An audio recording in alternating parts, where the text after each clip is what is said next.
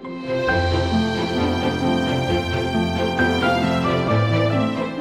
puluh lima tahun sudah usia Dewan Perwakilan Rakyat.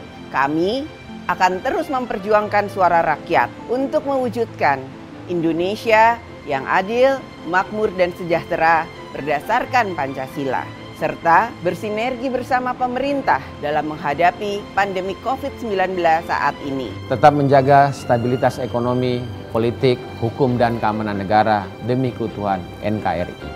Bangga menggunakan buatan dalam negeri demi pertumbuhan ekonomi nasional. Pembangunan infrastruktur di tengah pandemi terus dijalankan untuk menunjang pemulihan ekonomi nasional. Saatnya kita fokus mewujudkan keselamatan dan meningkatkan kesejahteraan rakyat demi mencerdaskan bangsa. Dirgahayu DPR RI 75 tahun DPR RI bersama rakyat.